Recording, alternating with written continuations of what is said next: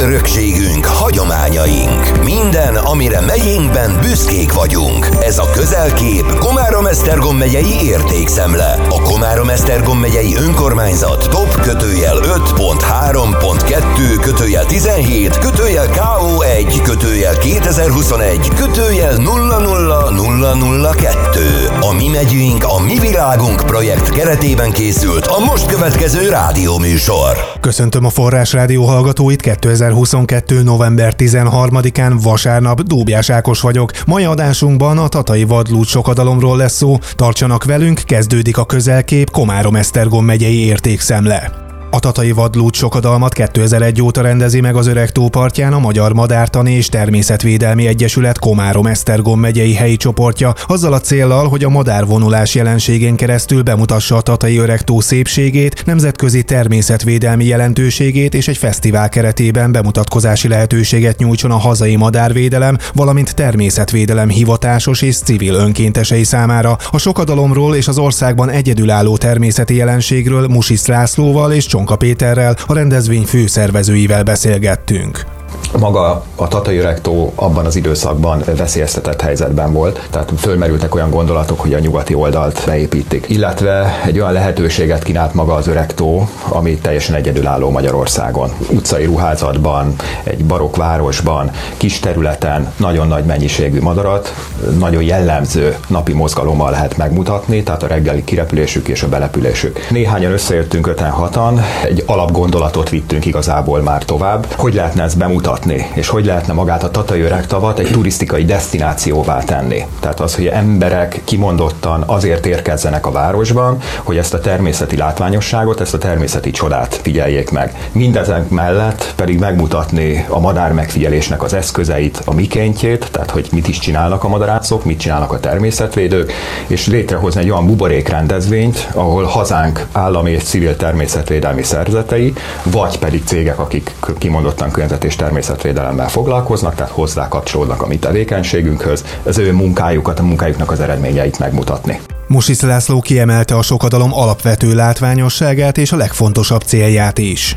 A célkeresztben mindenképpen a vadludak vannak. Az öreg tavon zajló madárvonulás, főként a vadludak vonulása, az rendkívül látványos. Tehát az egész nap ez a Tatai Vadlud Csokadalom rendezvénye az valahogy ekköré épül, amikor a reggeli kirepülésük, majd az esti visszaérkezésük óriási természeti látványosság, és ezeket a közbülső időket pedig kitöltjük mindenféle ilyen természettudományos ismeretterjesztő dolgokkal, vásári forgataggal, hogy az egész nap egy ilyen jó hangulatú, baráti találkozás találkozás jegyében teljen. Azért is tervezzük ezt a napot, hogy egy kicsit közelebb hozzuk az átlagemberhez és a érdeklődőkhöz, a természetbarátokhoz ezt az elég speciális dolgot. És ehhez felvonultatjuk a megfelelő technikát, és mindent ki lehet próbálni. Természetesen vannak látogatók, akik a saját technikájukat hozzák, de akik mi szervezők ott vagyunk, és a parton fölállítunk teleszkópokat, teleobjektíveket, stb., akkor azokat ki lehet próbálni, lehet használni. Gyakorlatilag minden évben most már 10 fölötti közötti látogatottsággal lehet számolni. Egyes években, főleg amikor még az időjárás is még kegyes és egy-egy napsütött napon sikerül megszervezni ezt a rendezvényt, akkor pedig akár 15 ezer fölé is emelkedik a látogatók száma. Csonka Péter elmondta, a rendezvény lebonyolítását a nagy létszámú önkéntes természetbarátok munkája teszi lehetővé. Önkéntes alapon működik a szervezés és a lebonyolítás is. Tavaly például 183 ember a saját szabadidejét, energiáját, sok esetben saját technikáját, használja, illetve adja a rendezvény sikeréhez. Mi főszervezők is munkánk mellett végezzük. Ennyi embert akkor lehet egy irányba terelni, vinni, hogyha van egy nagyon komoly kohézió. És ehhez az kell, hogy mi nem csak egy vadlúcsokadalmat idézelve, nem csak egy vadlúcsokadalmat szervezünk egy adott évben, hanem szinte minden évszakban, minden hónapban vannak olyan tevékenységeink, ahol ezek az önkéntesek, hívjuk most, mi általában azt szoktunk mondani, természetbarátok, madárbarátok vagy rajongók, ezek egy irányba tudjanak húzni. Tehát folyamatos találkozási pontjaink vannak, olyan közös munkáink, tevékenységeink, madarászataink, természetvédelmi munkáink, élőhelykezelések és még lehet sorolni, amik kialakítják ezt a kapcsot. Ez visz bennünket előre, hogy egy jó nemes cél érdekébe értelmes munkát végezzünk. Musis László kiemelte, hogy a sokadalom nem a megszokott fesztiválok közé tartozik, hiszen a nagy hangzavar helyét a nyugalom és a baráti hangulat veszi át. Ez Tatának hagyományosan az egyik nagy rendezvénye. A nagy rendezvényektől talán megszoktuk azt, hogy óriási tömeg, hömpölyög, hangzavar, stb. Ez egészen más fesztivál, ez tényleg a természet fesztiválja, és itt egy kicsit a, azt szeretném még kiemelni, hogy ez egy ilyen csendes, nyugodt, baráti beszélgetésekkel teli fesztivál, van tér, hiszen nem a szűk tópartra korlátozódik, hanem gyakorlatilag a sokkal szélesebb sávban oszolhatnak el az emberek, alkothatnak, csoport leülhetnek szalmabálára, tehát az egésznek ezt a nyugodt, baráti vetületét szeretném így még kiemelni.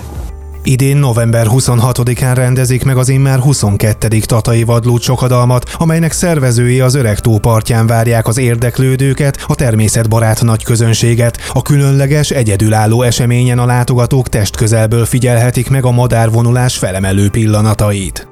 Ez volt a közelkép Komárom Esztergom megyei értékszemleadása 2022. november 13-án itt a Forrás Rádióban. Köszönöm, hogy ma is minket hallgatnak, búcsúzik a műsorvezető Dóbjás Ákos.